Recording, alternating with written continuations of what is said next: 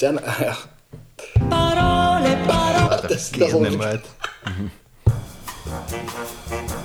Stop, stop, stop, stop, stop. Hup. Een nieuw stuk geschiedenis. Fantastisch, wat een moeilijk. Ongelooflijk. Dit is een onwaarschijnlijk kabinetstuk. We vinden ze waar tijd de bovenhand genomen heeft en natuur ongestoord het mooiste decor heeft gecreëerd. Als nomaden voortdurend op een hoede voor onbehaan en onontgonnen terrein. Zowel dicht bij huis als in onherbergzaam gebied. Wanneer de vruchten geplukt zijn, veranderen ze van terrein op zoek naar een nieuwe boom met rijp fruit. Veel beeldspraak om te zeggen dat deze mannen je meenemen op hun avonturen in de Schotse hooglanden, over de, over de Toscaanse heuvels en de canyons van de Gorafe-woestijn. Nothing behind me, everything ahead of me, as is ever so on the road. We hebben een primeur. We zijn niet met drie deze, deze keer, maar tafelen vandaag met z'n vieren. En dat gaan we doen met Niels en Jochen van Dirty Drop Bars. Welkom. Hoe gaat het met jullie? Goed. Merci, mooie tekst. Ja, Goeie intro. Hij stikt daar veel tijd in. ja enorm veel tijd. Oh. Ehm, ja, het is de eerste keer voor ons met vier. Eh, en ehm, nog twee gasten die van, van vrij ver komen. Hè. Jullie komen van Antwerpen en Brussel. Ja. klopt. En mijn eerste vraag is dan ook van, ja, hoe kennen jullie elkaar? Wel, wij kwamen eigenlijk allebei van het, de noordrand van Brussel, maar Niels heeft eh, de mooie streek verlaten voor de liefde. Sinds kort. Dus eh, Niels is eigenlijk in theorie ook vandaar. Maar ja, bon, hij woont nu in Antwerpen, dus... Dus jullie zijn eigenlijk jeugdvrienden. Eh, Wij kennen elkaar. Wij zaten eigenlijk in hetzelfde jaar in het middelbaar, in het eerste middelbaar. Ja. Maar dan niet in dezelfde klas of zo. Nee. En eh, hij is getrouwd met... eh allee, zijn vrouw heeft eigenlijk zeven jaar bij mij in de klas gezeten, in de lagere school. We zaten in hetzelfde jeugdhuis. Ja. Voetbal gespeeld samen. ja, dus we kennen elkaar. Ja, dezelfde gemeente. Beetje hetzelfde bij ons, hè, Harold? Alleen zijn hij nog niet getrouwd.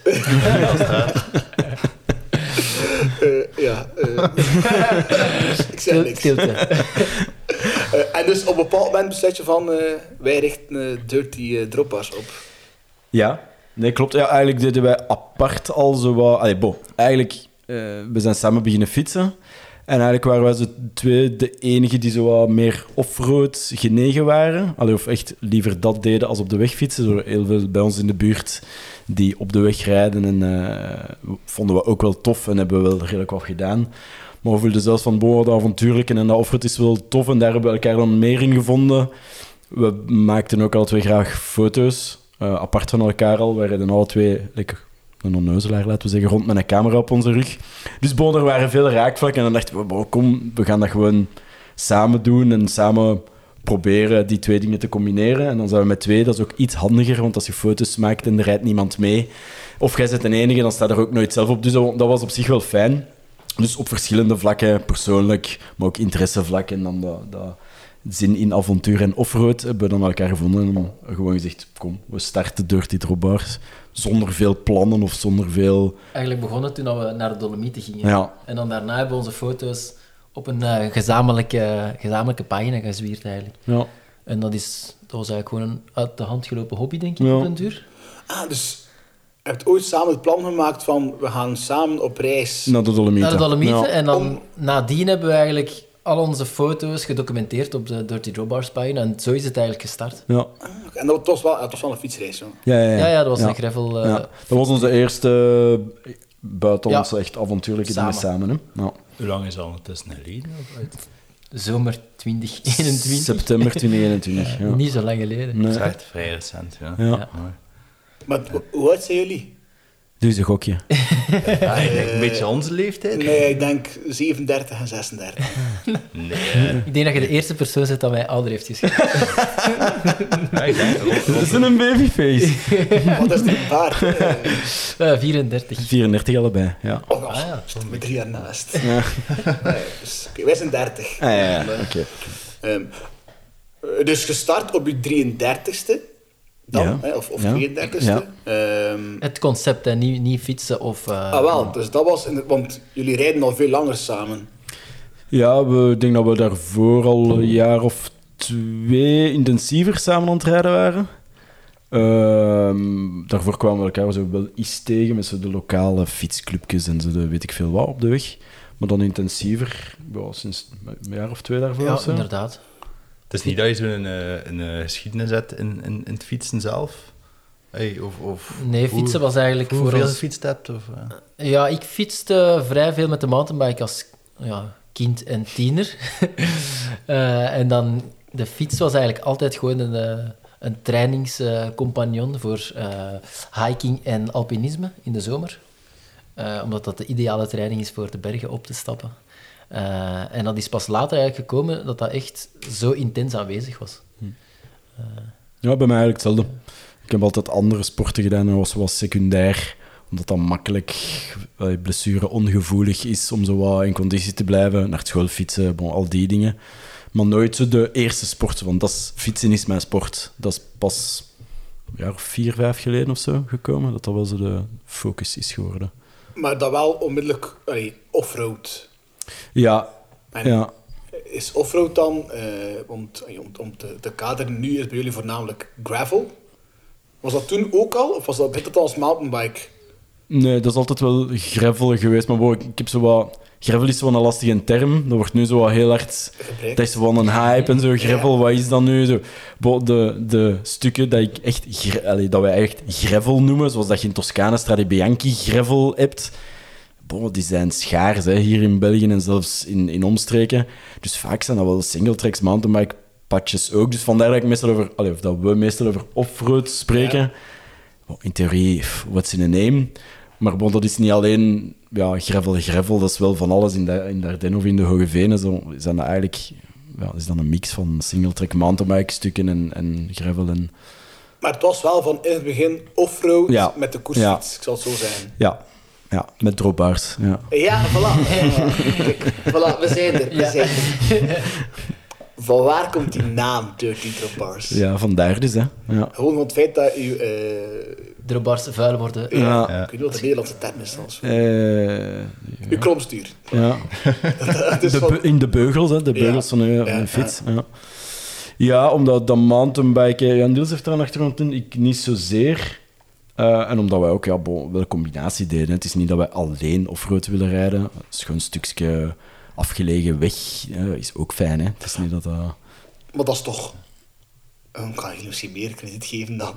Maar dat is toch vooruitstrevend om vier, vijf jaar geleden al te zeggen van... ehm, wij gaan met onze koersfiets offroad gaan. Of zijn Louis en ik zo achterhaald? Hey, voor ons is gravelen is iets dat De laatste drie jaar of zo. max Hmm. enorm populair is, maar als jullie dat al vier, vijf jaar geleden deden... Eh, ja, ik weet dan niet of dat we dat per se... Ja, ik weet dan niet. Toen had je ook al Dirty eh Boar bijvoorbeeld. Ah, ja. Eh, wel, dat bestaat wel al een tijd. En zo die 666 gravelgasten en zo. Ik denk dat die daar dat- nog wel langer mee bezig zijn. Ja, en ik kader wat dat Dirty Boar is. Ja, Dirty Boar is eigenlijk een van de eerste grote zo events off-road eh, in de Hoge Veen. Ik denk dat die start in dus. Waar start hij nu weer? Eh, juist aan de andere kant van de Ja, botrage. ja, dus dat is die, die buurt, Hoge Venen en, en een stukje naar Ardennen en zo. Ik denk dat die zeven, acht jaar al bestaan. Ja, dat bestaat al even sowieso. Ja. En dan heb je 66 Gravel, dat zijn zo gasten van Corbeek-Lo en eh, Bierbeek en zo, die regio. Die ook al wel echt... Ik herinner me vijf jaar geleden of zo, dat ik toen al eventjes met van die gasten zo van, ah, dat is neig. En dat dat ook wel was waarom dat ik beginnen dat doen ben. Dus dat bestaat al wel een tijd. Ja, in Amerika nog veel langer natuurlijk. Ja, ja, ja. Ehm, dus ik heb nu niet het gevoel van, ja, we zijn pioniers daarin. Nee, alles behalve zelfs. Ja, dus wij komen gewoon achter. hè. Ja, waarschijnlijk. Ehm, je begint dan offroad te rijden. Ik denk in eerste instantie rond het eh, Brusselse. Klopt. Of, nee, ja, of ja, eerst rond het Brusselse, maar ga je dan al snel Ik moet, naar het buitenland? Of, ik moet of, eerlijk zeggen dat ik vrij... eh, ik ga vraag- graag dingen ontdekken. Dus ik heb ook graag uitdagingen, dingen ontdekken. Dus ik denk dat we ook wel vrij snel een keer naar de Ardennen gingen. Weet ik veel. wat. zoals de Dolomieten. eh, Ik heb dat nog gedaan met een fiets met veel te dunne bandjes. Maar ik, we wilden dat gewoon zo graag doen dat we dat gewoon hebben gedaan. Dus eh, ja, ik vind, ik vind het ook wel dat tof om nieuwe dingen te ontdekken. Dus dat zit er gewoon bij mij van al, zo, al jaren in, dus ook met de fiets. Wat is dan voor jou een doordeweekse zaterdag? Eh, voor het moment weinig, want het is eh, vrij druk ernaast. Eh, maar vroeger gingen we wel een keer gewoon... Beslisten wij op donderdag om nog het weekend dat kwam naar Dardenne te gaan en zo. Dus. Ja. En dan, eh, want wij gaan soms naar Dardenne gaan fietsen. Eh, wij zijn op het moment voornamelijk wegfietsers. Ehm, kan mogelijk nog veranderen. Ehm, dus als wij naar Dardenne gaan, is dat, eh, je zoekt een uitvalsbasis en je gaat je fietst een toertje, het ochtends vertrekken en je komt s'avonds terug op dezelfde eh, hotel of dezelfde ehm, B&B. Eh, maar wat jullie doen, is dan waarschijnlijk de stap verder. Of was dat in het begin ook op die manier? Je gaat gewoon, je boekt een ijs in Dardenne en gaat daar gewoon drie dagen fietsen. Ja, ik denk dat ook wel. Eh, bijvoorbeeld eh, de koffieride hebben we een paar keer gedaan samen. Dat is een fijne uitvalsbasis, omdat je goede koffie hebt en die snappen dat je vroeg een ontbijt nodig hebt. Die hebben pasta op het einde van de dag en zo, dus dat is, dat is wel tof. En dan deden wij ook, ik denk dat we daar dan ook wel zo een dag een wegrit hebben gedaan. En dan de rest offroad. Dat is gewoon comfortabel om een uitvalsbasis te hebben. Maar ja, meer en meer is dat dan gegaan in, bo, je hebt dan goede spullen, je hebt een goed tentje, je hebt zoiets van, bo, dan zitten we niet vast daaraan, dan kunnen we wat verder rijden, hè, want dan kun je in lijn rijden en dan nog eens in lijn en nog... Ay, bo, je kunt meer afstand eh, coveren. Vanuit het, we willen nieuwe dingen ontdekken, is dat dan wel... Ay, voor mij persoonlijk, Niels is degene die mij daarin meegetrokken heeft, omdat Niels eh, zijn achtergrond van, van eh, gidsen in Alaska en Groenland heeft. eh, die mij uit mijn comfortzone heeft getrokken om dat te doen, waar ik hem zeer dankbaar voor ben. Maar een keer dat je dat gevoel hebt van, bo, ik heb hier een tentje mee, een slaapzak mee, een gamel mee, bij wijze van spreken, ja, of een gasvuurtje.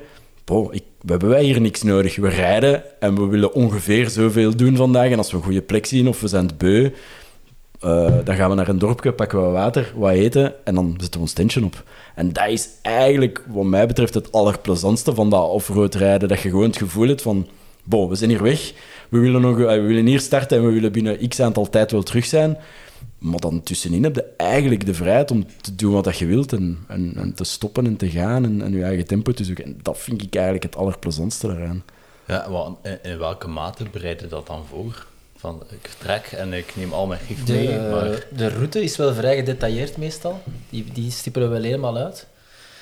Al je materiaal gecheckt, wel ook al eens waar je bepaalde bevoorradingen kunt doen, waar dat er misschien een winkeltje is. Je moet ook wel goed nadenken dat je bijvoorbeeld op een zondag is alles gesloten of zeg je zo onlangs waar in de Eifel gaan bikepacken. Ja, op zondag en maandag is daar nergens iets open, zeker niet in die kleine dorpjes. Dus daar moet ook wel rekening mee houden dat je op voldoende eten koopt op, op de zaterdagavond en dergelijke. Dus je, je moet er wel een beetje rekening mee houden. Of als je echt avontuur wilt, dan bekijk je het helemaal niet. Maar je gaat er misschien wel wat honger lijden, denk ik. Eh, maar je moet dat wel allemaal goed voorbereiden. Want je wilt ook niet, heel, eh, je wilt niet de hele tijd miserie of zo. Dat is allemaal wel deel van het avontuur, maar er komt wel wat voorbereiding aan te pas. sowieso. Ja, en eerste keer, uh, je packlist is uh, clichématig veel te groot. En je leert dat dan ook wel, als je dat een paar keer doet, weet je wel, boven dit soort trip heb ik dit nodig en dit. En dan duurt dat ook allemaal minder lang en moet je daar minder over nadenken. En vooral, voor mij dan persoonlijk, je wordt minder gestresseerd over shit, ik moet dat mee hebben en dat en dat en dat. Tenzij dat de winkels dicht zijn, kun je echt nog wel ey, veel kopen. Ook zelfs als dat in de Eifel bij twee dagen bijna niemand gezien. Maar zelfs dan, een tankstation is ook oké. Dan koopt u een Snickers en zoute chips en weet ik veel wat. En dan, daar kun je ook wel even op overleven. Dat is een beetje part of it. Dus zo dat, daarin geraken en zo de mindset van, bo, de essentials heb ik mee. Hè, voor als er iets fout gaat of u te depaneren. Of ja, je tentje en zo, dat wel nodig natuurlijk.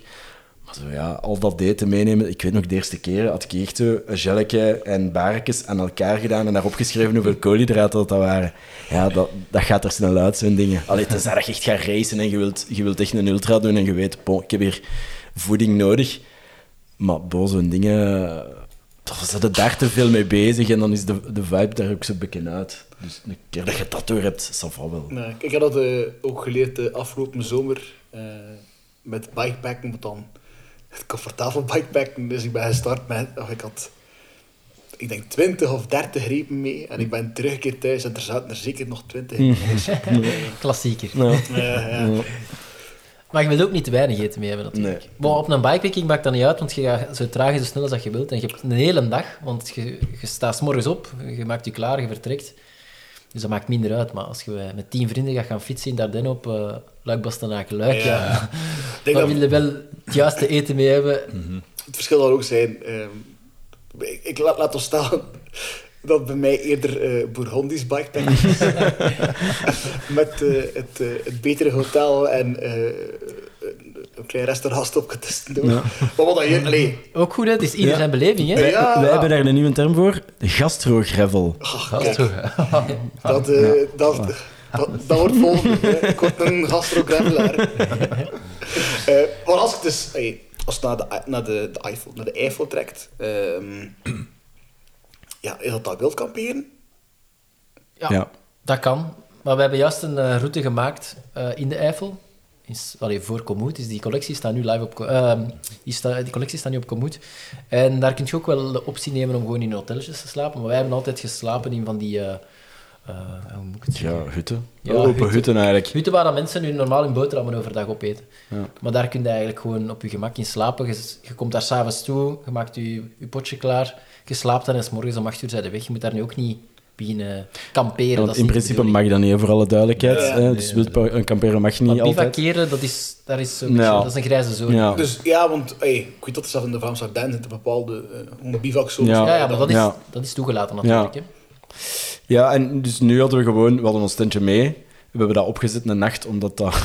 Wow, dat was een redelijk eh, schaduwrijke plek en daar zaten gigantisch veel spinnen en we hadden geen goesting om gewoon... Dus we hebben ons binnententje opgezet in zo'n een, een ding. Ehm, maar bo, ja, als je tent niet moet opzetten en je kunt gewoon daar eten en dan En je matje leggen en, en, en je slaapzak en buiten slapen, ja, nog fijner, hè. Dan is dat niet nodig. En eh, die routes die je maakt, is dat dan puur ervaring? Of eh, hoe, hoe maakt je dat? Want mijn even misschien in de, in de war. eh, dus Dirty Drop Bars bestaan nog maar eh, een jaar en een half. Maar jullie bikepacken al hoeveel jaar? Het bikepacken zelf, ja, Ik ging heel veel backpacken Ja. en ik deed alpinisme, dus dat was ook altijd routes uitstiepelen, slapen onder de sterren in de, bergen of tentje mee, alles. Ik heb ook gegidst in Alaska en in Groenland. En dat was, dat was eigenlijk exact eh, bikepacken, maar dan ja, zonder fiets natuurlijk. Dus uiteindelijk, het concept doe ik echt al ik weet, tien jaar of zo, maar de fiets is er nu in, in voorgekomen. En ik heb daarin gewoon gemerkt dat ik ga nog sneller, kan veel meer terrein gewoon zien. Het is, het is, het is echt een zalig, zalig gevoel gewoon, dat je de vrijheid hebt om gewoon te gaan waar dat je wilt natuurlijk. Ja, en die routes, wij spenderen daar wel echt veel tijd aan. Zijn er dus de Flanders Divide route dat we gemaakt hebben? Ja, dat is niet op een halve dag gemaakt. Dat, allee, we zijn ondertussen wel eh commode geeks of zo geworden. En commode is wel echt, eh, dus nu niet omdat wij ambassadeurs zijn, Nee, maar nee, ja, ik wil samen met jou een lans breken voor Komoot Ja. in plaats van Strava. ja. Ah ja, ja sowieso. Wij gebruiken Strava om eh, onze statistieken en onze wattages en om, eh, om dat bij te houden wel. Maar qua routeplanning is... ay, bon, laten we eerlijk zijn. Ja, sukt. Het ding met Strava is, dat je gebruikt heatmaps. En die heatmaps worden gevoed door pelotonnetjes. Dus ja, die routes gaan gebouwd worden langs de wegen die makkelijk toegankelijk zijn voor pelotons en, en, en, en eh, de, de dijkstoempers van deze wereld. Dat is allemaal prima. Dat is gewoon niet wat wij super tof vinden. En dan is Komoot gewoon wel echt... Ja, bon. Zeker nu dat die een trailview hebben, Ja. die zijn... Reviews van andere Reviews, gebruikers, dus je ziet daar segmenten, foto's, je ziet daar... ondergronden. Ja, mensen zeggen van, oké, daar moet je misschien niet eh, passeren die periode van het jaar, of dan is er... Daar kun je slapen, daar kun je... Allee, dus, Natuurgebieden, dat ze ook zeggen van deze wegen zijn niet toegankelijk en dat mogen die niet doen, wat wij dan ook ja, niet of heb doen. respect voor de natuur, Ja, dat voilà. er wel expliciet Dus bij. Komoot helpt echt wel. Hè. Als wij Flanders Divide hadden moeten maken zonder Komoot, had het waarschijnlijk nog twee of drie keer zo lang geduurd. Ja. Hè. Dus daar goed mee kunnen werken is wel al echt een grote stap. Maar zelfs dan, ja, op, op een kaart zie je natuurlijk nog maar altijd wat dat er, allez, een stukje van de dingen en ook gewoon ja, de flow en wilde daar zo gaan en dat stukje is mooier als dat stuk. Je moet dat altijd wel rijden. Ik denk dat wij Flanders Divide in het maken een keer of drie, vier gereden hebben. In zijn, allee, niet in één keer dan, maar in stukken. Ja, sommige stukken moeten opnieuw doen. Eh, sommige stukken zijn niet goed. Eh, voordat we het dan gereleased hebben, hebben we dan nog eens gaan rijden. Want bon, je weet natuurlijk niet of dat er stukken open liggen of gedaan zijn. Of werken, Of ja, werken zijn. Vlaanderen. We gaan misschien een keer eh, Dus ja. kaderen voor de, voor de luisteraars. eh want de naam is al een paar keer gevallen. Flanders Divide is een route van 560 kilometer. Ja. Die jullie gemaakt hebben. En die gaat van Genk? Genk naar Oostende. Ja. Ja. Is dat dan volledig offroad? Of Ja, het blijft België en Vlaanderen natuurlijk. Je Ja, niet, maar ja. maar zoveel mogelijk inderdaad. Zoveel mogelijk zonder per se... Oei, ik ga hier nog een lusje leggen, want dan is het offroad. Het ding is wel, het moet tof blijven. Het moet niet zo for the sake of, we gaan nu offroad doen. Maar de focus is wel... Allee, We gaan u niet in een bepaald bos eh, 23 lussen laten maken voor eh, het offroad gehalte omhoog te krijgen. Nee. Dat gaan we niet doen. Het is zo goed als in een rechte lijn. Dat is een groot woord. Ja, maar- nee, nee, anders komt dat niet aan 560 eh, kilometer. Ja, inderdaad. Eh, nee, maar ja, we- eh, het idee eigenlijk waarom dat we dat gedaan hebben was... eh, er is geen bikepackroute in Vlaanderen. En er zijn heel veel verschillende routes. Meestal rood of rond eh, ja, bepaalde beklimmingen in de Vlaamse Ardennen of, of bepaalde koersen of zo die, die ze aan. Maar er was eigenlijk geen één route die je self-sufficient, dus met je, spullen op je fiets kon doen. Dat is niet zo heel makkelijk, want er, je hebt daar straks al gezegd, bivakzones. Er zijn er eigenlijk niet zo heel veel in Vlaanderen, officiële bivakzones. En als je een route openstelt voor andere mensen, bon, wil je wel dat ze niet iets doen dat niet mag. Als je dat zelf doet, is dat je eigen keuze. Maar als je zegt, dit is een route dat je kunt doen, eh, vinden we wel dat je dat moet... eh. Dus bon, dat was al een redelijk bepalende factor, dat hem langs genoeg bivakzones moest gaan om het doenbaar te houden in vier dagen. Ehm, dus dat was al één. En twee was eigenlijk, we vinden ook dat Vlaanderen is heel bekend voor zo, ja, de Vlaamse klassiekers en al die dingen. Maar eigenlijk is er best nog wel mooie natuur ook. En divers. En diverse natuur, voilà. En als je eigenlijk de, de hele deurstek maakt, merk je dat wel heel hard. Van, van de terrils en de, de zandstukken in, eh, in, in, in het Genkse. Dan heb je alle bossen en dan boven, ah, boven Leuven, het Hageland, dat dan heel schoon is met de, met de wijnranken, for God's sake, hier in Vlaanderen, die eigenlijk wel tof zijn. En dan zo de, ja, de bossen rond het Leuvense en zo in een Hallerbos, dat is dan een heel schoon bossig stuk. Bij is dan weer iets totaal anders, dat is op en af en dat is redelijk ploeteren soms. En veel velden en veel... eh, dan de Vlaamse Ardennen, waar dat we dan een paar van de bekende beklimmingsjes of heuvels wel ingelegd hebben, maar sommigen ook offroad, omdat die eigenlijk ook wel best fijn zijn. En dan het laatste stuk is zo vlak als iets. Maar zijn eigenlijk best ook nog wel wat mooie bosstukken die ik totaal niet kende. Ja, rond, Eh, ja, jullie zijn van deze streek. De streek rond Bruggen is, dat is echt wel prachtig. hè? Ja, Nou, ja, bossen, ja, hè? Dus ja. die zitten er dan ook in. En zo het idee van van Genk naar het zeetje te rijden, eh, zo, en toe te komen en dan zo echt letterlijk En tot aan het strand te rijden. In de zee te duwen. Ja. Dus dat was, dat was wel een romantisch idee. Zo van, oké, we gaan dat... En dan heeft dat wel... was ook gewoon keitof om te maken. Ja, heeft wel serieus wat tijd gekost. Ja, dat wel. Maar, ja, eh, ik hoor je Ja. Hoe lang Drie- doe je daarover? Drie, vier Eh, keer. Ja, niet in één keer. Soms... eh, ook, om- eh, meestal hebben we samen gedaan, maar soms heeft hij een keer eh, een etappe, heeft Jochen een keer een etappe- daar gedaan, ik kies een etappe daar. Dan was dat met de auto naar, ik zeg maar, Ronse of uh, Oudenaarde, helemaal tot aan de zee fietsen, trein terugpakken, dan terug de auto en zo naar huis. Dus, eh, Logistiek niet zo heel praktisch. Een lijn. Lusjes zijn net iets makkelijker. En dan, we, we hadden ook eens twee delen doen en dan zagen we dat er gigantisch veel tegenwind was, dus hebben we hem een keer achterstevoren gedaan. Ja. Ik ben aan het denken wat de beste manier is om met hem te rijden. Van Ja, Genk naar Ik zou- Oostende of Oostende naar Genk. Geen Van waar komt de wind? Hij, is de windexpert. Noordwesten, hè. Dus dat is het Oostende Genk, hè. ja, het ding is een beetje... ehm, we vonden het wel fijner om naar de zee te rijden, Ja. aan zich qua idee. Eh, en je kunt hem omgekeerd rijden, want we hebben die vraag al wel een paar keer gehad. Omdat, ja, bon, als mensen in West-Vlaanderen of zo wonen, om dan eerst naar Genk te gaan, is het nogal omslachtig natuurlijk. En het gaat. Sommige beklimmingen ja, zijn minder ideaal. Bijvoorbeeld, je wilt natuurlijk misschien liever niet de Paterberg afrijden, de kasseien naar beneden rijden. Dat zal dan wel eens kunnen. Ik denk dat er zo twee, drie in zitten dat dan minder ideaal zijn. Dat- het gaat, hè. Je bent in principe met een gravelfiets aan het rijden. Maar bon, je bent met een beladen fiets aan het rijden ook, dus... Zwat. Het is niet dat het onoverkomelijk is, maar het is minder ideaal. Het is wel leuk dat je zo naar een punt kunt rijden en weet van, hier stopt het. Ik kan niet verder, want... Ja, ah, wel. Dat is wel waar. Ik Ja, kan ja, ook- ik kan vandaar. ook- Ik kan Ja. ook voorbij Genk, maar niet Ja. voorbij Oostende. Nee, voilà. Ja. Maar het is dus wel...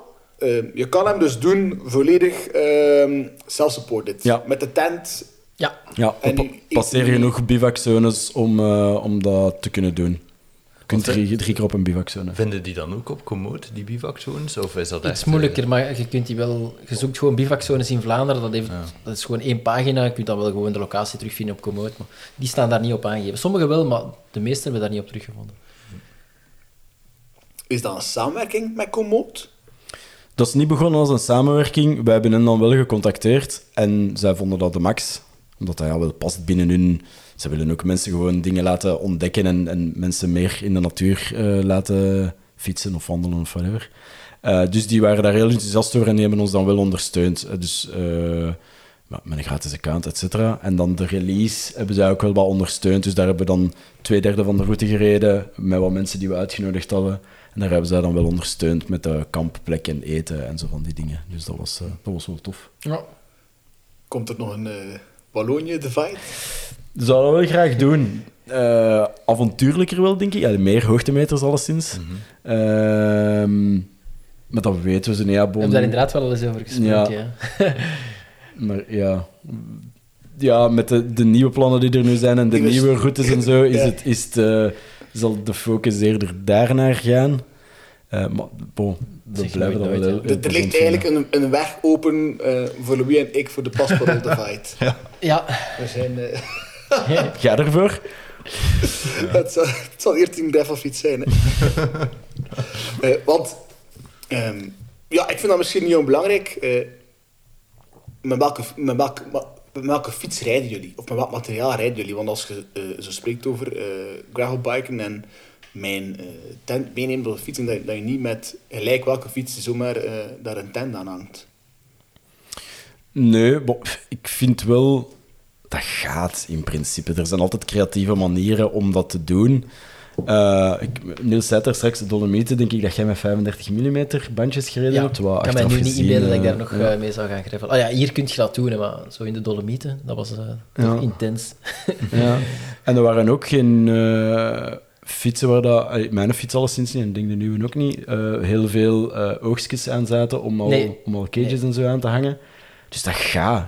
Je, je kunt dat altijd wel doen werken. Ik denk dat het belangrijkste in je, je gearing is dat je wel genoeg eh, range, range hebt om- hebt om dat, Ja. om dat te kunnen doen. Of rood zijn de, heb de meer stijl, allee, de steilere stukken vaak. Dat je soms een mountainbike stukje of op de weg leggen ze meestal gezapen of rood. En als je zo eens 17% tegenkomt en je hebt zakken, dan wil je wel knijing genoeg kunnen schakelen, want anders moet je stappen. Dat Ja, en dag ook, maar- 2 en dag 3 en dag 4 gaat het ook allemaal iets moeilijker. En als je de hele tijd in het rood moet gaan, ja, dan ga je cash betalen Ja. de, de tweede, de derde en de vierde dag. Dus. Dus dat is belangrijk. En je bandbreedte, en dat je gewoon genoeg breedte van banden kunt steken hier in België. Denk ik dat je met 40 mm wel op de meeste plekken overweg kunt. De Dolomieten of, of de, de Schotse hooglanden, ja, bon, Ja. dat is wel iets anders natuurlijk. ja, dat ik nu 48 en dat was toch al op het randje. Ik had wel meer kunnen gebruiken, denk ik. Dat zijn serieus banden. Ja. hè, 40. Ja, dat is mountainbiken. Dus het is wel zo dat... Ja, ah, wel, voilà. Maar dus, eh, ehm, het is wel zo dat de Flanders Divide, dat is geen... eh, wat de, een eh, populaire term is, de bike hike. Het is echt wel, je kan hem volledig fietsen. Ja, Ja. Je gaat niet Ja. moeten... eh, Zelf met 38 mm. Ik heb Ja. hem eenmaal maar gedaan met 35 en het was nu ook niet dat dat een ramp was. Pajottaland, als het regent, zal wat ploeterig zijn. Maar als je dat doet als het niet nat is, is het echt wel prima te doen. Ik ben volledig overtuigd. Je hebt niet veel nodig. Hè. overtuigd te zijn, ja. Van zo'n zaak niet, nee. Ehm, zijn er bepaalde zaken waar je op moet letten als je gaat bikepacken? Als je zegt van, ehm, ik wil een keer dus ehm, drie, vier dagen met de fiets weg. Oké, je hebt één, eh, ja, u, dat inderdaad als je op uh, zet vertrekt, dat op zondag en maandag winkels dicht zijn. Zijn er andere zaken dat, je, dat jullie meenemen van jullie standaard? Van dat is het eerste dat ik klaarleg als ik ga gaan bikepacken? We hebben al een paar keer gezegd, ja, een donsjasje. Dat is, eh, dat is een lifesaver, ja. Als morgen, s'avonds, of je, en het is, uh, het is ijskoud, ja, dat, dat houdt je echt supergoed warm. En weegt niks ik, en dat weegt klein. niks. Dat is denk ik standaard altijd iets dat ik meeneem. Dat is gewoon, ja, een regular, eh, zo'n kleine Michelin-vest. Ja, Ja. Een puffertje. ja. Ja, ja, Iets, dat- je compact kunt wegsteken en dat je gewoon supergoed warm houdt. Dat is, dat is echt wel belangrijk. Ja, ja eh, en als je inderdaad koud hebt of je hebt in de regen gezeten en je wilt even stoppen of iets gaan halen, je hebt heel snel kou. Eh, ook omdat je niet, je bent niet aan het racen. Hè. Je rijdt meestal op een redelijk gezapig tempo. Dus je wordt ook niet altijd direct terug warm van... Allee, bon, dat kan, hè, maar dat is inderdaad zoals Niels zei. Als je dat drie, vier dagen doet, is dat niet, niet per se het tempo dat je wilt rijden. Dus dat sowieso. En dan ja, een goede een eh, slaapsetup. Een goed matje, een goede slaapzak is ook wel... Allee, dat kost spijtig genoeg wel wat geld. Ehm, maar ja, als je niet van plan bent om eh, in het hoge noorden bij min 15 te gaan slapen, kun je ook wel redelijk, allee, kun je wel met ene slaapzak en een matje dat redelijk breed inzetbaar zijn, zo drie seizoenen. Dat is dan niet gigantisch duur, niet gigantisch groot en zwaar. hè, Want je dat meestal, als je heel veel warmte wilt en heel licht wilt blijven, dan wordt het heel duur. En dus als je gewoon doorsnee warmte pakt en niet dingen die extreem moeten zijn, eh, dan is dat wel oké. Dat heb je natuurlijk, als je buiten wilt slapen, heb je dan natuurlijk wel nodig. Maar als je dan spreekt van de eerste stappen, ja, misschien eh, in Dolomieten hebben wij, hebben wij ook in, eh, in hutten geslapen. Hè?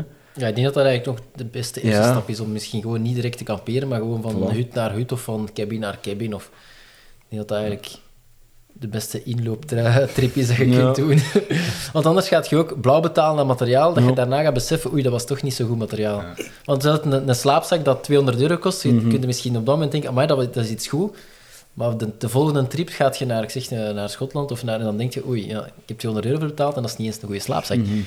Want eh, dat was dan inderdaad mijn volgende vraag. Eh, wat is hetgeen van jullie zeggen van... "Ha, wij hebben dat gekocht de eerste keer, maar... Alsjeblieft, neem het niet mee.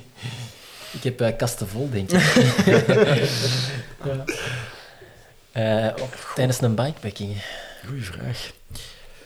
Ehm, ik denk vooral, pff, wat ik te veel meenam, was verschillende kleren. Ook. Ja, Zo drie bips. Ik een had- lange, een korte. Een, ja. ja, inderdaad. Ik had nu op Schotland, in Schotland heb ik vijf dagen ook met één bips, met één truitje. En het enige dat ik extra mee had van kledij was om mij daarna warm te houden of, droog te, allee, om, of om droog te blijven. Dat is allemaal extra's, maar geen vervangkledij. Ja, ja, dat is gewoon niet meer nodig. En ja. Dus jullie vertrekken jullie mee. eh één bibsoort, één... eh, De laatste keer heb ik dat nu ook wel gedaan. Het was daar, het was, ik ben nat geweest, ik ben alles geweest, maar ik heb er ook geen last van. Ik denk als je een goede biep hebt, en ja, je moet wel altijd jezelf meenemen, dan, eh, dan komt dat helemaal goed.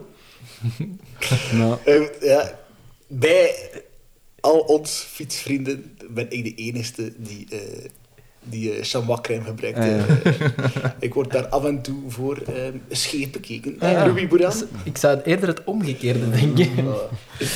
Maar wij doen ook niet hetzelfde als. Vanaf wanneer gebruik je die zalf? Altijd als ik op de, op de fiets krap met een, met een fietsbroek. met een bips, ja. ja, nu niet als ik naar... ik ook zoveel mogelijk naar het werk. Als dat een half uur is, nu niet. Nee. Maar zo de weekendritjes, dan Ja, doe ik dan meestal ook wel ja dat gewoon ook een gewoonte is geworden, denk ik. Ja. Kijk, voilà. Dus we hebben al lans gebroken voor Komoot. Er zijn mensen dat dat zonder doen, hè, dat, eh, die dat dan niet gebruiken. Hè. En, die, die kunnen daar misschien drie weken mee fietsen. Kan ook, hè. Ja, helaas niet. eh. Mm. Ik ken het verschil nog niet. Dus.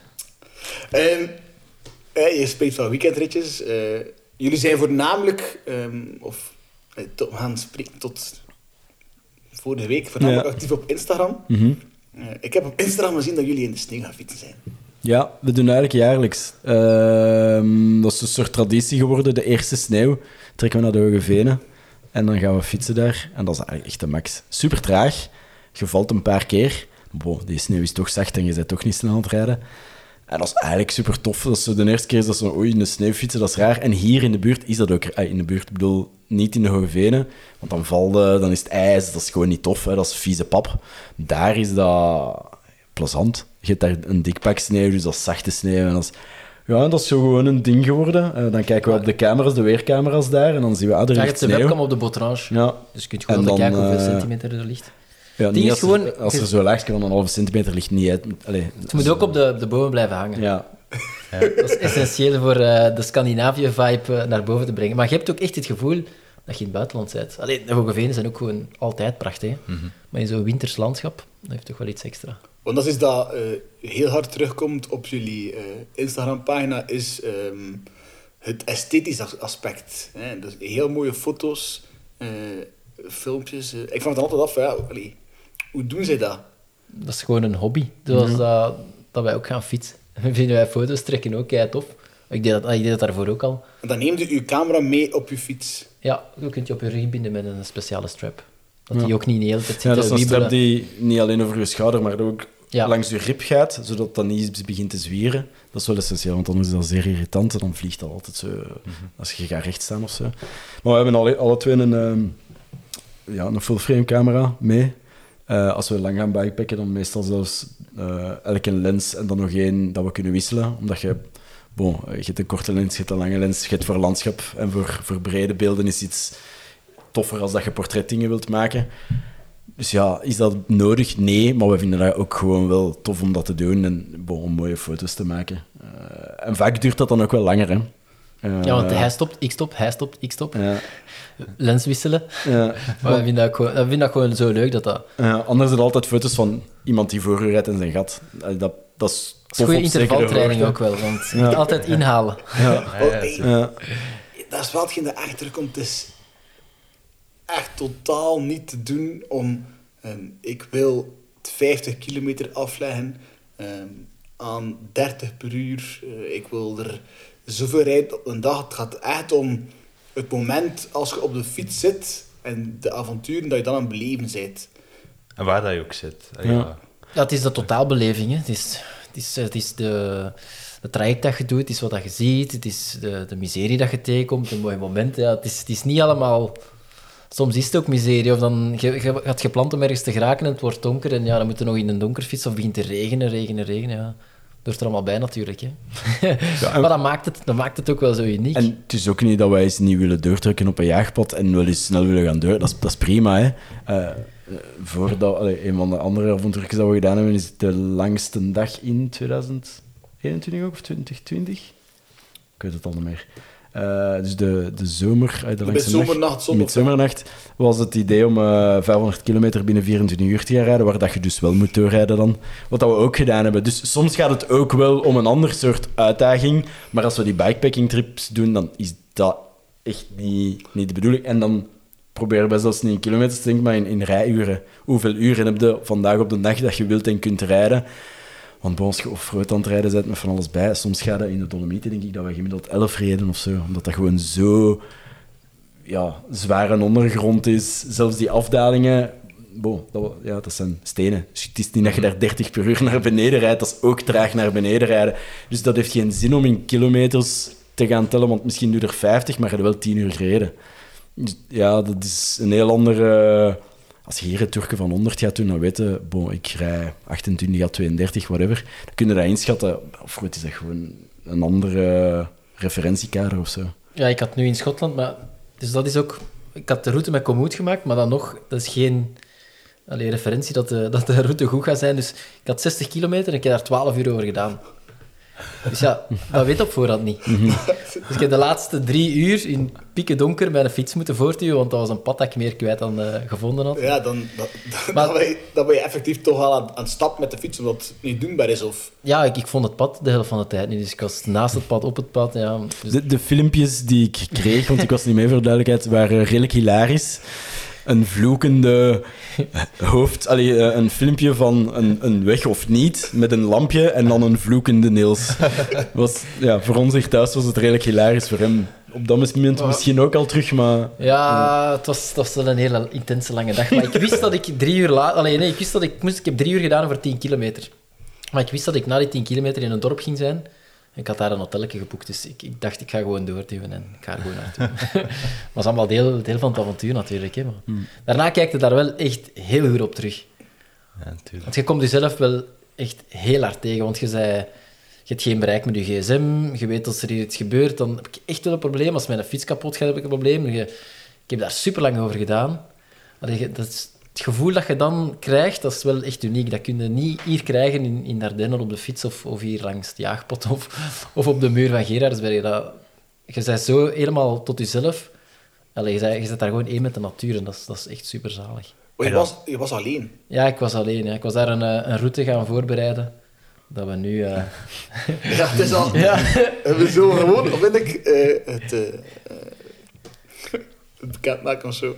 Ja, het is al een paar keer gevallen. Ehm, wij hadden jullie ehm, destijds uitgenodigd, eh, toen dat je eh, voornamelijk nog een eh, Instagram-pagina had. Hebben we nog altijd natuurlijk. eh, zeker en En vast. we blijven inspireren, En- dat hopen we toch te doen. Voilà, en Louis en ik bereiden deze podcast tot in de puntjes voor. en dan plotseling deze week zien wij verschijnen eh Ja, sorry 13 Drop daarvoor. Bars. lanceert een website. Eh, dus eh, misschien een keer, ja, wat gaan jullie doen?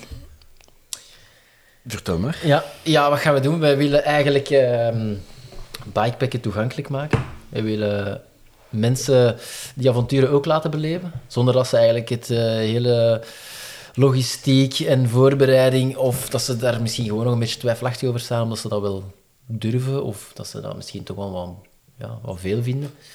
Ehm, ja, dus we zijn trips beginnen voor te bereiden. We gaan er eh, in Schotland eentje aanbieden, Toscane eh, en de Eifel. Dat staat nu op onze website. En we zijn ook bezig met de Atlas Mountains, met de Algarve, met, eh, Pyreneeën. met de Pyreneeën.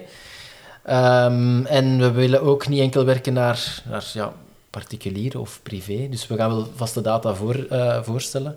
Maar eh, ook eigenlijk naar bedrijven toe. En dan willen we eigenlijk een, bijvoorbeeld een traject voorstellen. Dat eigenlijk, het, is, het is meer als gewoon fietsen en mooie natuur zijn. Het is ook, wat dat wij zelf ook vinden, is dat dat jezelf ook gewoon... Je zelfontwikkeling dat daartoe bijdraagt. Wat ik juist vertelde over, over Schotland. De inzichten dat je daarvan krijgt. Het is, het is, voor ons is het meer dan dat. En dat willen we vooral tonen. Het is niet gewoon... Ja, dat is het ook, hè. Maar. Oh, het zijn die twee dingen, hè. een beetje uit je comfortzone. Dat heeft op menselijk, eh, fysiek is dat uitputtend, maar op menselijk vlak, bo, inderdaad, je bent op je eigen aangewezen of op elkaar en soms begin je eens te vloeken. En bo, op zich voor menselijke ontwikkeling best wel interessant voor mij. Allee, voor mij persoonlijk, maar ik denk voor u ook. Je bent ook gewoon eens compleet weg. Als je drie dagen weg zit met je tent, je denkt daaraan, want je bent bezig met, oké, we zijn nu hier, daar, je bent in dat moment, en dat is gewoon de max. En dan, ja, wat de vragen die jullie daar straks ook stelden, krijgen wij heel vaak, ook op onze, op onze Instagram. eh, omdat mensen dan zo, ah, die mannen doen dat. En dan stellen die vragen zoals, ja, wat moet ik meenemen? En wat is het eerste? En welk, welk pufferjasje moet ik dan kopen? En zo van die dingen. En we voelen dat veel mensen, dat dat toch wel een drempel is. Ja, je hebt veel materiaal nodig en inderdaad, die routes, oei shit, kan ik dat wel vertrouwen als Komoot dat zegt? En ga ik inderdaad niet voor hebben dat ik ineens drie uur doe over 10 kilometer? Eh, en het zijn die dingen dat we, omdat we dat zo tof vinden en zelf voelen dat dat ons zo inspireert en zo positief beïnvloedt, willen we juist andere mensen ook kunnen laten doen door het makkelijker te maken om dat te doen. En dat gaat dan over eh, ze begeleiden of routes voor hen maken of zorgen dat ze eh, bijvoorbeeld die lastige beklimming zonder zakken kunnen doen en dat we de zakken wel van punt A naar B voor hun brengen. Ah, bon, alles wat dat helpt eigenlijk om mensen makkelijker dat te kunnen laten doen, dat er geen uitvluchten zijn. geen uitvluchten, eh, je snapt wat ik bedoel. Ja. Ehm, eh, dat, dat is waaruit dat, dat idee zo wat gegroeid is. En ja, de, de achtergrond van Niels als gids helpt natuurlijk, om dat dan ook eh, te weten hoe je dat moet doen. alles komt eigenlijk op dit moment samen, denk ik. En we zijn ook super complementair.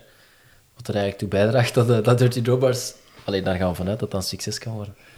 Het is ook gewoon allebei onze passie. En ik denk, als je passie erin kunt leggen, dat dat altijd een extra is natuurlijk. Want dat zijn dus inderdaad dan allemaal routes die jullie zelf op voorhand afrijden om zeker te zijn van kijk, dit is, hey, Ja, het is maar- hier een route die eh, doenbaar is en goed is en waar Ja. je nog Ja. wel mooie uitzichten hebt en dat is... Maar we werken wel sowieso samen met local experts. Dus ja, we vinden ook mensen dat daar wonen. Die kennen de routes, allee, de locatie sowieso veel beter. Dus daar, daar werken we wel mee samen. Zoals in, in eh, Schotland had ik ook afgesproken met Chris via Albion. Die had ons in contact gebracht. En ja, die woont daar. Die kent daar alle natuurparken en eh, trails van binnen en van buiten. Dus die heeft ons wel geholpen met zo'n route op punt te stellen. Want het is niet omdat je ergens één keer naartoe gaat dat je kunt zeggen, dit is de beste route en voilà. Maar je moet die wel zelf gaan rijden. Ja, Je voilà. kunt niet zeggen, hey, we nemen jullie mee. Nee, En eh, wat verbanden heb ik nog? Ja, dat weten we niet, dat zullen we wel zien als je toekomt. Ja, dat gaat natuurlijk niet. bel Dus- maar naar Chris. Ja, voilà. Nee, dus we we proberen altijd tot 80% of tot 75% dat voor te bereiden, dat zeker zelf te gaan rijden. Maar dan proberen we inderdaad lokale mensen te vinden om zo dat, dat, die laatste fine-tuning te doen of daar dan mee te helpen. Omdat dat gewoon, ja, bo, eh Flanders Divide, we hebben het gezegd daar straks, je hebt die drie, vier keer volledig gereden om dat op punt te stellen. Bo, eh, economisch en tijdsgewijs eh, drie, vier keer naar al die locaties gaan, dat is gewoon niet haalbaar. Dus het is een combinatie van we willen dat zelf wel beleven en weten van oké, bijvoorbeeld de Highlands, ja, daar kun je niet naartoe als je nog nooit met een gravelbike gereden hebt en niet comfortabel bent om een steile singletrack af te rijden. Dan, allee, dan is dat een slecht idee. Maar dat moet je wel eens gedaan hebben. Allee, bon, je, je weet dat wel, maar dat voelen en dat zelf rijden is toch nog een andere ervaring versus in Toscane. Bo, als je nog nooit op een gravelfiets gezeten hebt, dat is prima. Dat, dat is te doen. Dus ja, als je dat aanbiedt, moet je natuurlijk ook wel weten waarvoor dat staat en wat voor soort mensen en wat voor advies dat je kunt geven. Van oké, jij bent op zoek naar dat en naar dat. Vanuit die ervaring, je wilt natuurlijk niet dat je de mensen overtuigt, kom, we gaan nu eens bikepacken, dat je die warm maakt en dat die dan een, een afkeer daarvan krijgen, omdat dat veel te moeilijk of, of onaangenaam is natuurlijk. Dat willen vermijden. Hoe lang, hoe lang zijn die, eh, die parcours die je maakt houdbaar? Of ja, is er daar, eh, ja, of heb je daar een idee van, van eh, er verandert iets aan mijn parcours, waardoor dat moeilijker is om er door te raken of dit? Bedoelt je dat seizoensgebonden of bedoelt je... Ja, eh, ja, wat, als er die- iets verandert. Die, die wegspoelt door over Ja, ja, inderdaad. ja, maar je zegt dat bijvoorbeeld. in Schotland bijvoorbeeld staat dat water gewoon soms veel te hoog en raakt daar niet door. Ja, inderdaad, er zijn meerdere rivercrossings, maar als je pech hebt en het heeft heel veel geregend, ja, dan komt dat tot boven je middel en anders komt dat tot aan je enkels, bij manier van spreken. Ja, daar heb je natuurlijk niet zoveel vat op, maar moest er, daarom werk ik ook met die local experts. Want ja, die kunnen altijd een week op voorhand nog eens bepaalde moeilijke stukken van de route gaan checken en zo. Dus ja, dat kun je zelf van op afstand niet doen, natuurlijk. Maar Flanders Divide bijvoorbeeld ook, eh, hebben we, denk acht maanden of zo nadat het gereleased was, eh, mensen gehad die een foto sturen van, ah, hier staat nu een hek. Ja, en dat is inderdaad, dat was dan effectief ehm, In Genk, ja. redelijk dicht bij Genk inderdaad, Ja. bij de Terils, waar dat ze inderdaad aan het, aan het werken is een groot woord, maar dat ze, en dan moesten inderdaad dan 100 meter omrijden, dus dat was geen probleem of zo. Maar ja, in principe is dat het, het wel een moeilijkheid, dat zo'n route, ja, dat blijft niet... Of inderdaad, in een soort aan natuurpark, bijvoorbeeld in Nederland heb je, de Green Divide van Erwin Sikkes, of je kent. Dat is ook een Komoot-ambassadeur, en dat is eigenlijk ehm, door de Hoge Veluwe eh, tot in eh, Amsterdam, denk ik. Eh, ook heel schoon, een eh, zware aanrader daar. Ehm, en daar mogen bijvoorbeeld vanaf de herfst, omdat dat dan eh, winterslaapseizoen is, of in de lente is dat dan broedseizoen voor de vogels, mogen bepaalde stukken wel of niet doen. Ja, dan moeten dan natuurlijk wel weten en aan mensen... Want allee, je moet wel een beetje respect voor de natuur hebben. Ja, ja. Dus allee, uw vraag is, eh, is zeker, zeker niet gek of zo. En voor Flanders Divide, ja, die stukken doen we wel opnieuw, want is ook mensen laten het ons ook wel weten. En in principe, de route die we gemaakt hebben, als er veranderingen zijn, zijn die normaal wel minimaal. Het is niet zoals in Schotland, dat je ineens op een stuk zit dat je gewoon niet meer door Maar geraakt. inderdaad, maar zoals in Schotland is dat wel een goede opmerking, want in eh, september, oktober is daar jachtseizoen. En daar zijn allemaal estates, en dat is eigenlijk privé, dus daar zijn mensen dat, zeg maar, eh 15.000 vierkante meter of eh, vierkante kilometer, dat zijn gigantische estates waar je bepaalde periodes niet door moet, eh, moogt, want dan willen zij daar gaan jagen met hun, eh, met hun vrienden of zo. Dus mensen- terugkomt met wat hagel in die of zo. Ja. Zijn ehm, al de routes die jullie aanbieden, is het dan effectief ehm, van A naar B? Of zit daar ook lussen in? Nee, de meeste zijn lussen. Hè? Dus de meeste zijn eh, dagtrips waar dat je dan altijd op een andere plek slaapt. Eh, in, dat wordt dan een hele grote lus, maar dan niet in één keer. Eh, maar er zijn er ook, en dat is eigenlijk gewoon puur door het te gaan verkennen, bijvoorbeeld in Toscane en in Algarve, De gastrogravel. de gastrogravel, effectief. Dat is een topnaam. Dat, dat leent zich net iets minder daarom te gaan kamperen. Dat is heel mooi, maar dat is niet wilde natuur zoals, zoals in Schotland of in de Eifel. Dus daar vonden we dat een beetje geforceerd om dat te doen. Ehm, dus daar werken we met een basecamp. Dus daar vertrekt je eigenlijk vanuit een hotel. In dit, in dit geval is dat dan eh, Regio eh, Siena. Sorry. En daar heb je natuurlijk Strade Bianchi en eigenlijk dan eh, de Heroica, de voorloper van Strade Bianchi. Dat is 220 kilometer of zo. Dus je kunt daar zowel noordelijk gaan naar de Chianti-streek, zuidelijk gaat dan wat meer naar recht die stroken van de Strade zelf. Je kunt daar eigenlijk alle kanten uit. Dus dat is iets toegankelijker, omdat je dan vanuit een, een vaste plek altijd vertrekt waar dat je terugkomt. Dus je moet geen tentje meenemen, et cetera. Dus dat is iets toegankelijker. Gastro ook vandaar. Het gaat daar dan even goed over is een goede wijn gaan drinken en daar is een zwembad. Bon, dat, is, dat is iets anders. We, hebben daar lang over nagedacht, omdat ja, we gaan wel voor dat bikepacken en dat avontuurlijke en dat jezelf ontdekken. Dus het moet altijd wel een soort avontuurlijke zijn. Maar we, we hebben dat dan in Toscane wel beleefd als oké, wij vinden dat zelf ook wel tof. En dus dat je dan niet zo dat... Hè, want je hebt een term, zo, eh, credit card eh, touring heet dat dan. Hè. Zeggen mensen van, oh, dat mag je niet doen. Ja, bon, daar gaat het ook niet om. Wie zijn wij om te zeggen hoe avontuurlijk dat je moet gaan? Dus hebben dan ook zo wel losgelaten en gezegd, eigenlijk is dat hier de max, dat je keis gewoon om te rijden. En nee, ja, dat is hier niet dat je drie dagen lang iemand, niemand tegenkomt, zoals in Schotland wel zo is. Het is daar dan- meer als fietsen alleen. Het is ook gewoon genieten van de omgeving, genieten Voilà. van het lekker eten. Dat willen we in eh, de Algarve ook aanbieden. Dat, je kunt daar ten eerste goed surfen. Ik zeg maar niet dat we daar... Het plan is om daar bijvoorbeeld ook een, een trip aan te bieden met een basecamp, dat mensen eens morgens eh, een uur yoga kunnen doen, dan kunnen ze vijf uur gaan gravelen en dan kunnen ze nog gaan surfen in de namiddag. En s'avonds kunnen ze lekker eten, ook belangrijk. Ja. Dus Dus wat je nu wel hebt, is je hebt eigenlijk ehm tours die ehm ja, je ziet op ieder zijn maat zijn. En die, ik had al gezien op de website, dat ook wordt aangegeven van kijk, ja, dit is voor dit niveau en hier moet je dit voor kunnen, zodat... Ja, wel, wat we daar straks zo zeiden, je wilt natuurlijk als je die ervaring hebt, voor sommige mensen is in Toscane gravel gaan rijden al uitdagend. En dat is, dat is prima. Dat is ook best pittig soms daar. Hè. Je kunt je daar ook wel echt kapot rijden op die... eh, ik heb Vrij mijn peren gezien op die... Op die eh, wat is de, de sector... eh, wat was het, sector 9? ja, sector 9 van de. Eh, pittig. Ongelooflijk. Eh, ik doe het met maart, dus ah niet- ja, Ah, ja. oeh. Prepare, Met my friend. Met de kortfiets. Ah, wel, eh, met een gravelfiets komt eh, deze week toe, dus Ah. Eh, nu, het is wel, die wegen zijn echt wel, als, als het droog ligt, kun je al met 28 of 30 mm bandjes echt rijden. Maar het is wel echt stijl. En het blijft stijl gaan. Je denkt, oei, ik ben erover. Even naar beneden. Oei, toch nog eens even stijl. En dan kijk je daarna op Strava. Eh, Want we gebruiken ook Strava, niks tegen Strava. En dan zie je dat Wout was van? Aert daar, Wout van Aert en Tom Pitcock daar dan gemiddeld 33 rijden. En dan denk je, holy, hoe, hoe kan dat? Nou, dat, is- ik- dat vind ik nou wel weer tof, omdat je hebt dat ook bij de, de Ronde van Vlaanderen. Als je dat eens geregen, gereden hebt, je weet, oké, je draait hier rechts en dan... Dus dat is wel fijn. En ik, ik, ik persoonlijk vind Strade wel een hele mooie koers.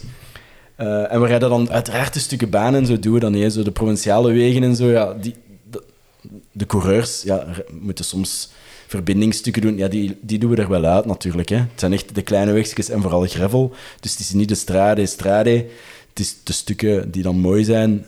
Eh, Maar we nemen de bekendere stradestukken Ja, wel die- want dan wel, mee. het heeft iets episch natuurlijk. Ja. ja. ja.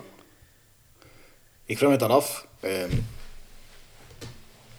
wat is dan allee, jullie droomlocatie? Waar dat je op dit moment nog niet gefietst hebt, Maar, maar wat dat, ja, we hebben dat al, al een keer... Ik had, ik, had, ik had een voorstel gedaan voor als we 40 werden. Ja, En een je voorstel. hebt- je hebt nee, we eigenlijk gaan dat doen. ah, ja, ik, wil, eh, ik wil in Alaska terug gaan fietsen. Ik ben in Alaska al geweest, maar ik wil daar terug gaan voor te fietsen. En je hebt een Alaska Divide. Bestaat effectief. Ja, bestaat. Maar het is, is een 5000 ultra... kilometer. Geen ultra race, maar dat is gewoon een experience. Hoeveel is die? 1700? Nee, is ja, 1700 of zo. Maar het is gewoon het hele gegeven. Ja, je fietst wel door een Ja, landschap wel- met beren. Ja, en- ja. Allee, dat heeft wel een extra. En dat is ook 300 kilometer waar je niks hebt, letterlijk. Dus dat is wel niet zo, we gaan nu eens gaan eh, op ons gemak bikepacken, dus vandaar ook, eh, we bouwen op naar ons 40 Al denk ik wel ook nog om misschien zelf een route te creëren. En Ja, daar zou heb ik ook kunnen. wel aan gedacht. Maar bon, dat is echt ruige natuur. Met, je moet daar berenspray mee hebben, je moet daar gaan vissen op je eigen zalmen, want anders heb je geen eten. Allee, dat is echt wel eh, het zo ultieme avontuur. Zo. Allee, bon, Ja, voor ons ja, inderdaad. Dus dat is wel iets dat in, in mijn hoofd speelt. Ja. Ja. Ja, en dan Maar voor- omdat ik, er, ja, dat ik, er al, ik heb er al zes maanden geweest en ik vond dat zo fantastisch. Dus ja. dat lijkt me wel een mooie... En dan Atlas en IJsland staan ook wel hoog op de lijst. Ja. Maar dat gaat in de nabije toekomst Ja, dat gebeuren. gaan we Zowel jaar, Atlas als IJsland. Want in IJsland Ja. ook zo'n bekende gravel race. De hè, Rift. De, de Rift, Ja. ja. ja. Ja. ja. Maar dat is redelijk kort, hè. dat is echt een race. Hè. Dus daar rijden ze 200 echt door. Ja. Eh, wij willen dan wat meer terug dat bikepacken eh, gaan doen daar. Dus dat staat wel hoog op de lijst. En Atlas ook. Eh, daar zijn we wel al geweest, maar nog niet echt voor zo'n eh, route te gaan doen. Omdat je daar ja, met een berbertent in de woestijn slapen, met de sterren en de... ook wel echt te max. Dat is daar super schoon. Dat is, dat is zo een heel andere soort natuur als dat je in het noorden hebt. Eh, wat voor ons natuurlijk wel exotisch is. Eh, dat staat ook wel heel hoog. En dan meer zo de kanten Georgië, Oezbekistan. Ja. Dat lijkt ons wel. Ja. Wie en ik hebben zelf eh, voor ons de belofte gemaakt, eh, wij doen Kirgizië voordat we 40 zijn. Ah ja. Ah, dat is is dat voor dat 40 zijn? Silk Mountain dan echt? Of Wel, we- zijn nog maar 30, dus nog stukjes? 10 jaar. Ja, ja, ja. Iets ja, ja, ja. Ook wel de max. Ja. Ja. Nou, ik hoop het. eh. ja. En Georgië en zo is ook wel schijnt heel schoon. Nu iets Maar ja, er zijn maar- locaties. Maar dat is wel wat je dan naartoe wilt met Dirty Drop Bars, als in... Wij ontwikkelen Dirty Drop Bars op het eigen tempo dat wij zelf aan het verkennen Ja, zijn. zo Atlas en- en IJsland willen. Alaska, dat denk ik nu niet dat dat direct op het programma gaat Ja. staan. Maar Atlas is wel, eh, dat is toch al een concreet plan, hè? Want Ja, ja. ja, ja, dat klopt. Ja, Ja, ja, ja. dat is eh, voor het ja. najaar. Ja, dus daar gaan we nog eens naartoe in het voorjaar. Omdat dat in de zomer is dat te warm. Dus moeten we, we gaan we in het voorjaar één of twee keer naartoe. Hebben we ook al wel wat contacten met lokale mensen daar. Zodat we in de, vanaf na de zomer daar een goede route hebben. Die wij en de lokale gidsen dan samen gemaakt hebben. En het is, dan, is dat eh, beperkt in, in, in, in aantal personen die meerijdt? Of ligt dat volledig De open? trips zijn meestal op, allee, dat is rond de 10 personen. Maar als jullie, allee, ja, niet jullie, maar als er mensen eh, op maat iets willen en die zijn maar met vier, ja, dat kan allemaal. Maar uiteraard, dat is altijd met zo'n dingen, dan heeft, dat is afhankelijk van de prijs Ja, natuurlijk. ja, ja. Maar 8 Dat op 10 heeft is ideaal, omdat Ja. dat enerzijds economisch, eh, bon, je basiskosten zijn makkelijker gedekt en ook dat is een toffe groep. Omdat je dan met 20 man is te veel, dat gaat niet of rood. Je kunt niet echt in peloton rijden natuurlijk. En zo 4, 5, bon, dat is misschien wat minder gezellig. Dus zo 8 tot 10 is, is wel wat- waar dat we wat op mikken, maar bon, anything goes. We zullen. Maar je rijdt zelf altijd mee? Of is dat met lokale... Ah, wel, eh, meestal zijn we met twee. Hè? Dus iemand die echt meerijdt van voor, eh, soms iemand van achter, maar iemand die ook de, de technische backup doet en die zorgt dat de kampplekken klaar zijn, dat er eh, vuurke is, et cetera. Dus je hebt eigenlijk twee mensen nodig die, die dat doen. En dat zal ofwel wij twee ofwel een lokale met één van ons twee zijn. Ik krijg al zin om in te schrijven, Louis. Doen? Zeker doen. Dan kan je de groep smijten. Ja, het is dat, het is dat. Ehm, denk dat wij kunnen overgaan naar eh, eh, ons uh, tweewekelijks segmentje. Zijn de, de Passo die... Parole, parole, parole. Waarin dat we dus ehm, aan onze gast vragen wat eh, zijn favoriete, ehm, eigenlijk komt het van Strava-segment is, maar we gaan het nu zijn favoriete eh komoot-stukje noemen. Eh, of ehm, herinnering, of...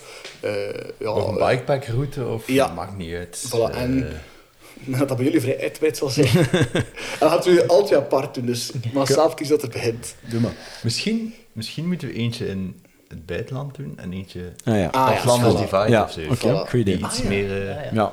Dicht bij huis ligt. En gewoon België of Flanders Divide? Ah, wel, we zullen beginnen elk Flanders Divide. En dan gaan we doen elk Ja. Wat je maar wilt. Goeie vraag. Ja, dat is moeilijk. Zeker, echt, hè? Ja, Flanders Divide is van begin tot einde een hoog. Even Mooi. terzijde. Mooi. Ehm, het leukste stuk. Ja, in, eh, net na de start zit er wel wat single tracks. En ik hou wel van het iets technischere. En het zijn ook heel toegankelijke. Dus in Flanders Het zijn snelle- Divide. snelle het zijn hele snelle, zo zanderige single tracks. Dat is dan eh, nog in Limburg. Ja, ja, ja dat is, eh, ik denk, 30, 40 kilometer naar de start of zo. Dus direct leuk starten. Ja. Eh, dat is bij mij wel de voorkeur, denk ik, van...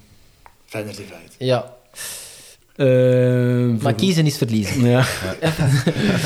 ja, voor mij, ik vind sowieso het stuk eh Meerdal, Zonia, Haller de max, omdat dat echt... Bon, het WK Gravel gaat daar dus blijkbaar ook plaatsvinden, dus ze hebben dat van ons gepikt uiteraard.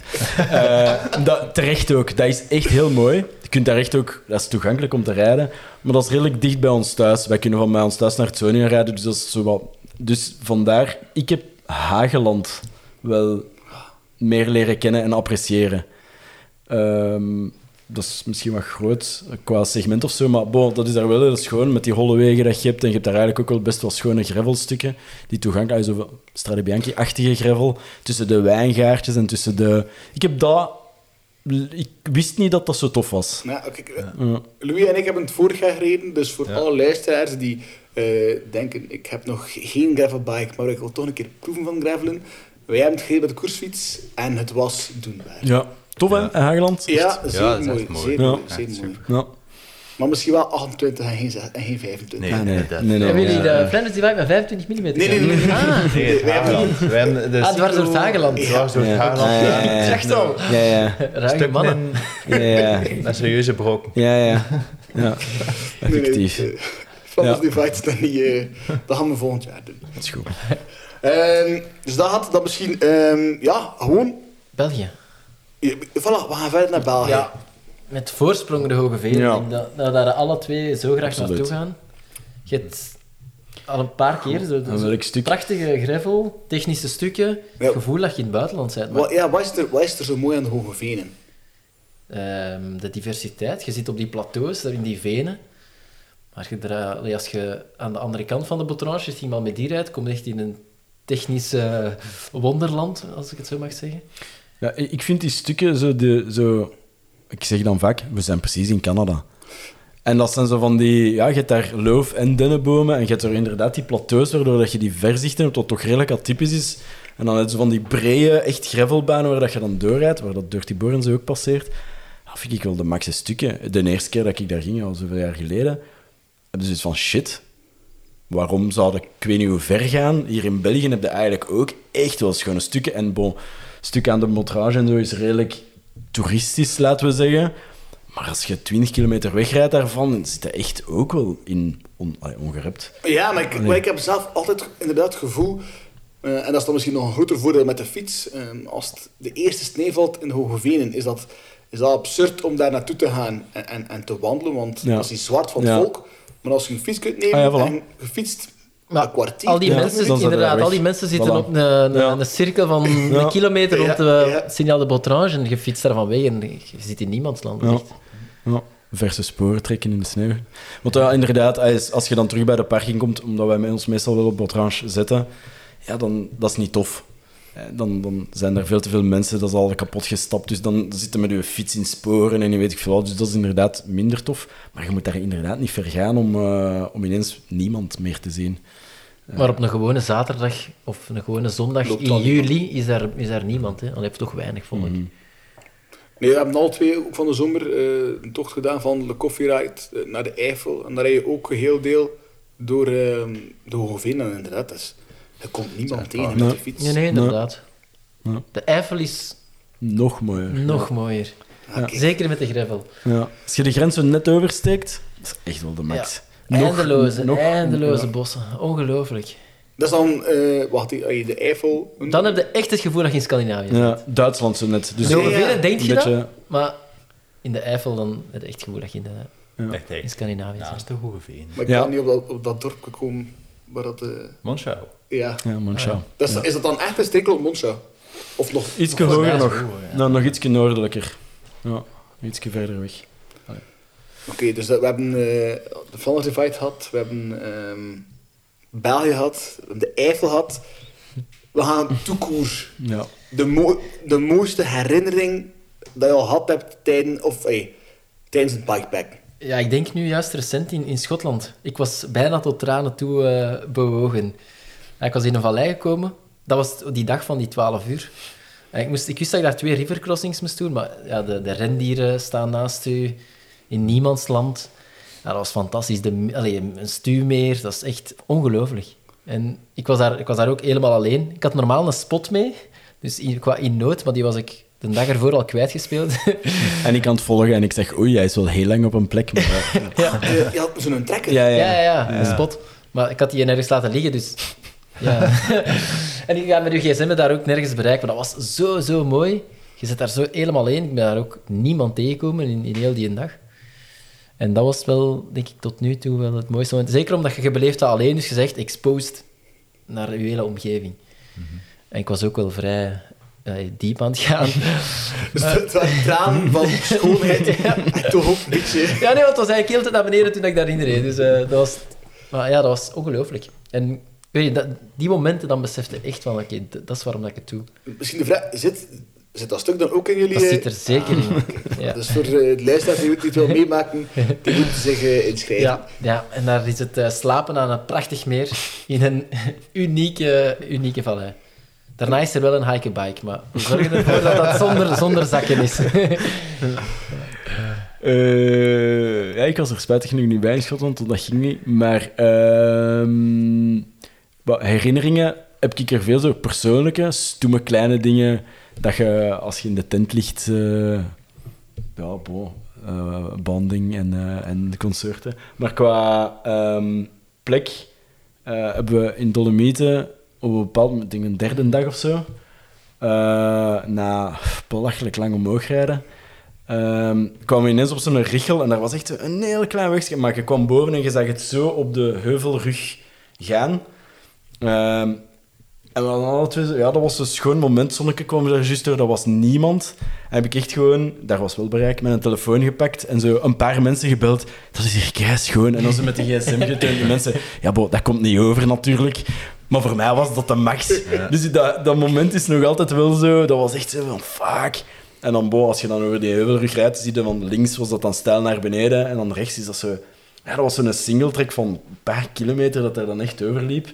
Daar dan de drone, na het mooie momentje, het denkt wel, ah, misschien moeten we een drone eh, omhoog smijten. Ook, eh, ook uh, gefilmd staat een foto van, eh, denk ik, op onze Instagram. Maar dat was echt, ja... Ja, ik weet dat niet. Dat was het moment zelf, maar ook die plek dat wel heel schoon was. En je wist ook wel dat gedaan... Allee, dat we daarna gingen afdalen dus dat was, eh, dat was wel een schoon moment. En toch is het schoonste de totaalbeleving. Ja. Of die dingen delen, of die mindere momenten delen. Ja. En, en dat je inderdaad dan s'avonds in die tent ligt en ligt te lachen en te doen. En dat je pas een dag erna ergens in een dorpje bereik hebt. En zegt, eh, eh, was dat nu een everzwijn? Ik, ik ga mijn fiets toch wat meer voor de, voor de opening zetten. maar dat herinnerde je ook zo van die dingen. ja, dat zijn de beste momenten. Ja.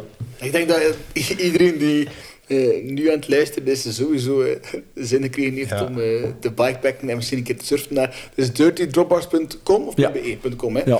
Misschien nog één iets wat dat wel belangrijk kan zijn, want ik denk dat jullie ook, ehm, voor mensen die zeggen van, wij willen, eh, ik wil dat ook graag een keer doen, maar ik ben niet zeker dat gravel niet voor mij is, ik wil die fiets niet kopen. Jullie bieden ook fietsen na, hè, dacht ik. Ja.